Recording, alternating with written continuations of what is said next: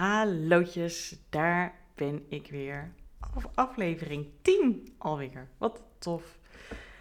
Hey, ehm, dit is deel 2 van uh, ja, deze tweedelige um, aflevering combinatie. Uh, en even voor de um, nou ja, samenvatting denk ik dan maar.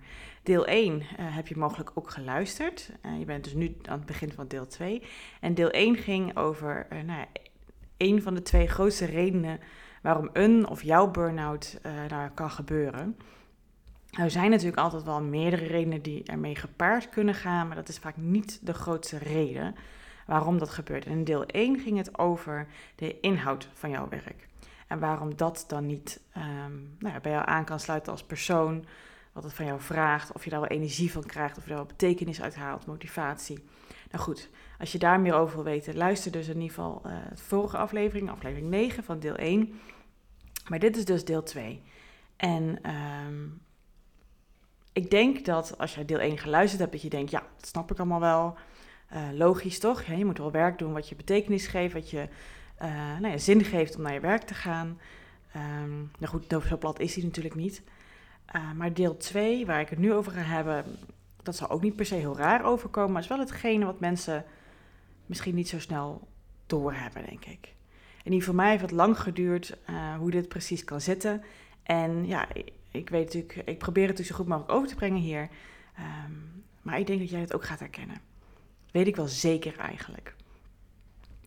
Om daar wat meer duidelijkheid in te verschaffen, um, nou ja, wil ik je graag even meenemen.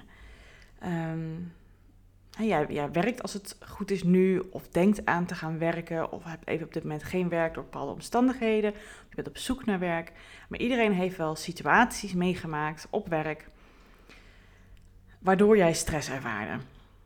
dus um, dat kan natuurlijk gebeuren door de mensen op je werk, je collega's, je leidinggevende, uh, waardoor je stress kan krijgen. Um, en natuurlijk ook de rol die, die het werk voor jou vraagt. En niet de inhoud van het werk, maar wat jij moet doen, welke vaardigheden je moet laten zien, welk deel van je karakter je moet laten. Hè, je moet oproepen, moet aanspreken om jouw werk te kunnen beoefenen. En die kunnen jou stress geven. Nou ja, goed, dat kan allemaal kortdurend zijn, daar is niks mis mee. Stress is niet zo heel erg. Hè, bloeddruk gaat omhoog, eventjes uh, flink aan de bak, als het maar van korte duur is. Um, maar goed, jij kent ook vast wel dat je misschien samenwerkt met mensen uh, in dezelfde, ongeveer dezelfde situatie zit op je werk. En dat jij er bijvoorbeeld wel stress van krijgt en de ander niet. Of andersom, dat jij denkt, hé, hey, wat zijn ze allemaal stresskipperen aan het doen? Ja, ik heb daar niet zoveel last van. Hoe dat dan precies kan, daar wil ik dus met jou ingaan. Want dat is dus uh, de reden waarom je dus in een burn-out kan komen. Maar om daar antwoord op te krijgen, hoe dat dan precies kan, hè, dat de een dat wel heeft en de ander niet, uh, is het wel nodig om terug te gaan in de tijd. En we gaan natuurlijk vooral uitvogelen hoe dat bij jou zit. Hè? Uh, want bij iedereen is dat een andere reden. Dus wil jij met me meegaan en je inbeelden om jezelf te zien, die kleine jongere versie. Denk een beetje aan de basisschoolleeftijd, misschien nog wel iets jonger, waar jij uh, nou ja, als klein meisje of klein jongetje uh, thuis was met je familie, je ouders, misschien had je broertjes en zusjes, ging je lekker naar school, speelde je in de wijk. En er waren natuurlijk hartstikke veel mooie en fijne momenten en veilige momenten die je hebt ervaren. Maar zoals in elk leven gebeurde natuurlijk ook gewoon dat er minder fijne momenten waren. Momenten dat jij dacht, hé, hey, nu voel ik me eigenlijk niet veilig. Nou dacht je dat natuurlijk niet als klein kind, hè, dat je dacht, hé, hey, ik voel me nu niet veilig. Maar als je erop terugkijkt, kan je dat misschien wel zien. En al klinkt veilig heel groot, maar dat kan al in de hele kleine momenten zitten.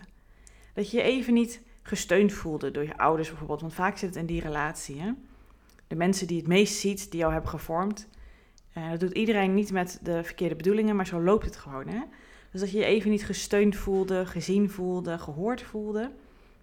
En als die momenten vaker terugkomen, repeterend terugkomen, dan kan je je dus dat niet veilig voelen. Bijvoorbeeld als je iemand bent die snel emotioneel wordt of ga, als kindje veel ging huilen, dat je dan te horen kreeg van, goh, hou op daarmee, niet doen. Doe even normaal. Of als je uitbundig was en dat zo lekker vrolijk was, dat mensen zeiden, hou eens op, doe eens uh, even normaal. niet nodig. Die trekt de aandacht. zijn voorbeelden. Hè? Ehm, het kan natuurlijk ook zijn dat er iets groots gebeurd is, wat je echt is bijgebleven. Nou, dat hoeft er niet vaker voor te komen om impact te hebben.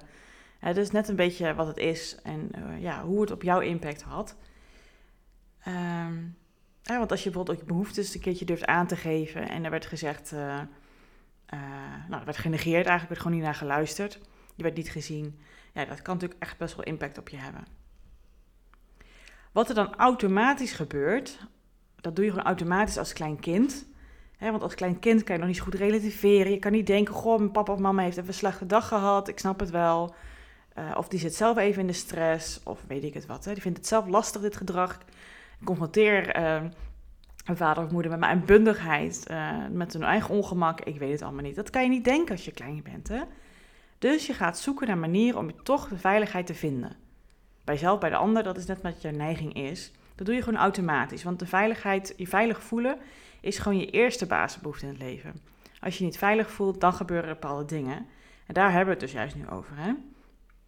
En wat deed jij dan eigenlijk dan? Op die momenten dat jij je dus niet zo veilig voelde. Dat jij je niet gehoord, gezien, gesteund voelde. Dat jij dacht, oeh, ik mag niet zijn wie ik helemaal ben.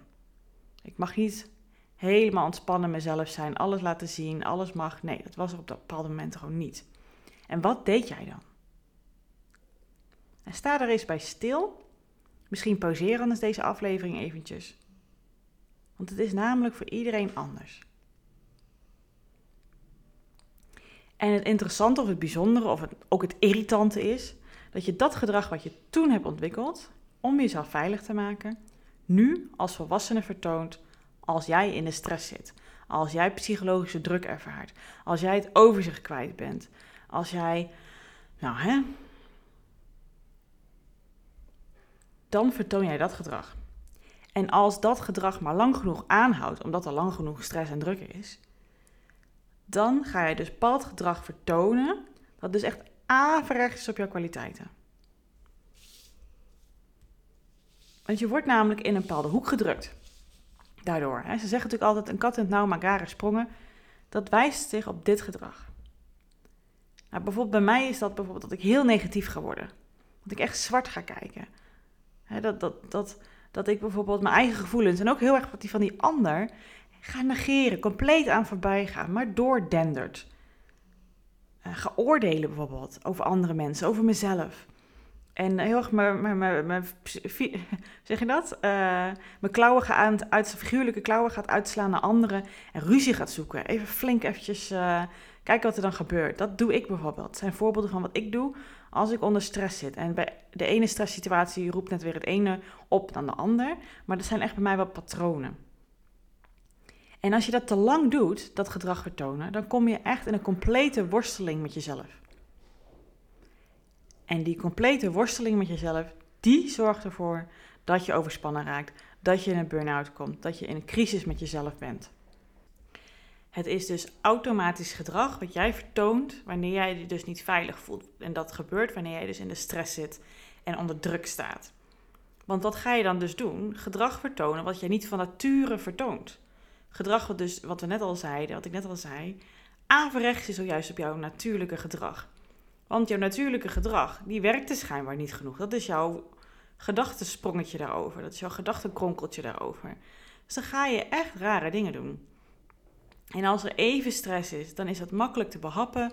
Uh, want dan kan je de, makkelijk relativeren. En dan is het allemaal oké. Dan denk je, hé, wat deed ik nou voor raars? Uh, maar dit gaat dus echt omdat het wat langer duurt. En als je dan dus langer met jezelf in een worsteling zit, want je vindt jezelf dan echt niet fijn. En dat kost heel veel energie, hè? kost zoveel energie om om te gaan, A, met al die druk en die stress. En B, de reactie die jij daarop hebt en, dat en het gedrag wat je daarop vertoont.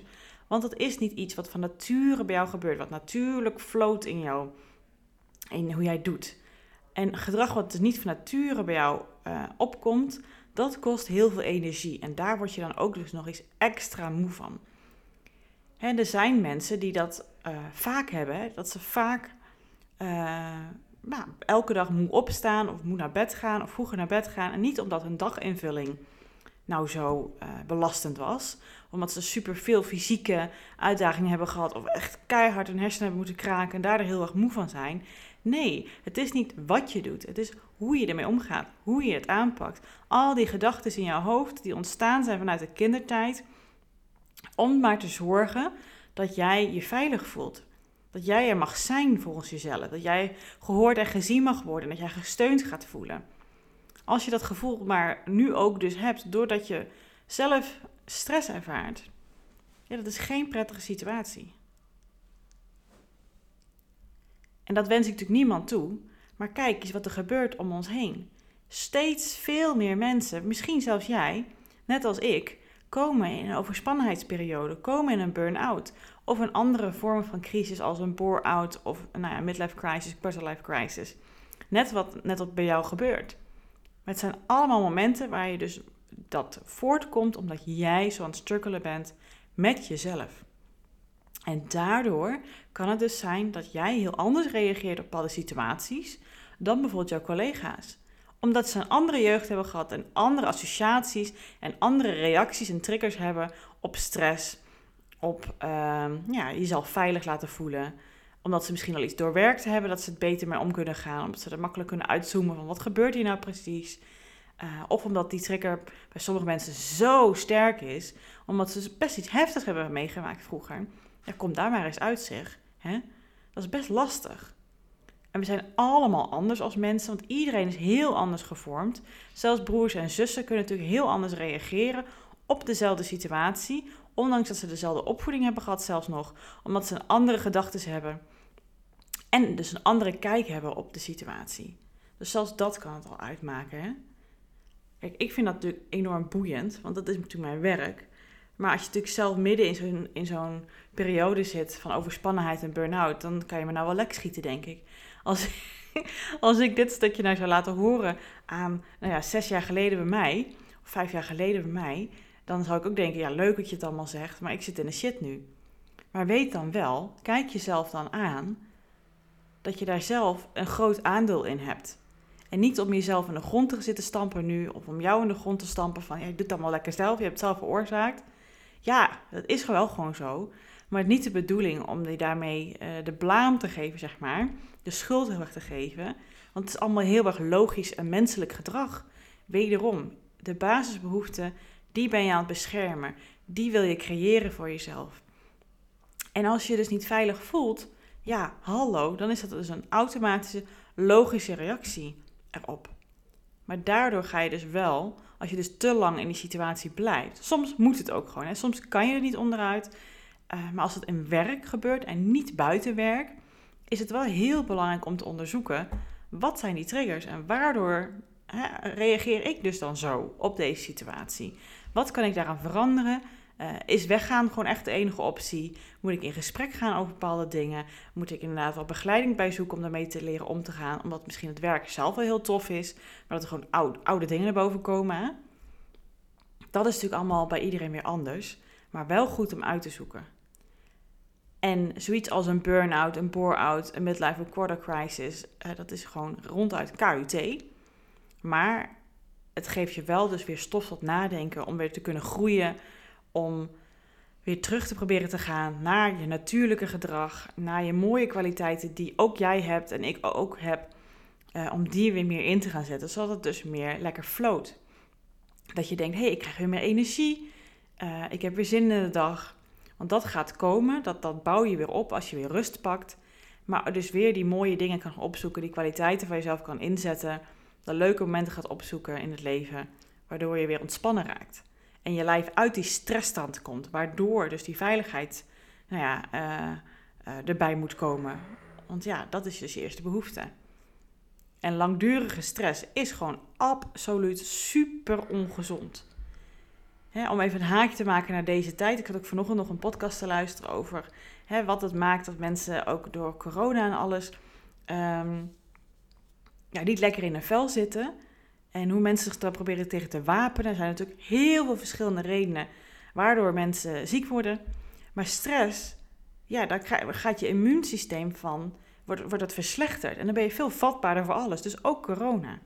Dus het is zo belangrijk, corona of niet, om goed voor jezelf te zorgen. En is goed naar jezelf te kijken als je merkt, hé, hey, ik heb, zit nu onder langdurige stress. Wat is hier aan de hand? Wat is mijn trigger? Wat doe ik om veiligheid te creëren voor mezelf? En uh, ja, dat floot dus niet. Daardoor ben je dus in de stressstand, in de alerte fase. En als het dus langdurig gaat zijn, dat is echt niet gezond. En ik hoop dat je dan vanuit, misschien dat deze podcast je daar een zetje in kan geven. Eens goed naar wil kijken om te zien, wat heb jij nodig om uit die stressstand te komen? Wat is voor jou van belang om weer in de flow bij jezelf te komen? Vandaar dus ook mijn naam van het bedrijf dat ik gekozen heb hier, Keuzeflow. Nou, dat is een leuke hè? Om even naar wat luchtigers over te stappen. En ook naar de afronding van deze aflevering te gaan. Ehm, nou, ik ben echt enorm benieuwd ja, hoe jij kijkt naar deze aflevering, hoe ik deze heb ingevuld. En misschien heb jij wel andere gedachten hierover. Of ben je door iets na gaan denken door wat ik gezegd heb. Ik hoor dat zo graag van jou. Vind ik echt heel leuk. Dus laat het me weten. Uh, je kan me dus bereiken op Instagram. Uh, om een bericht te sturen als je keuzeflow opzoekt. En uh, natuurlijk ook mailen als je dat leuker vindt naar judith.keuzeflow.nl. Ik hoor heel graag van jou. En voor nu in ieder geval tot in de volgende aflevering. Dag!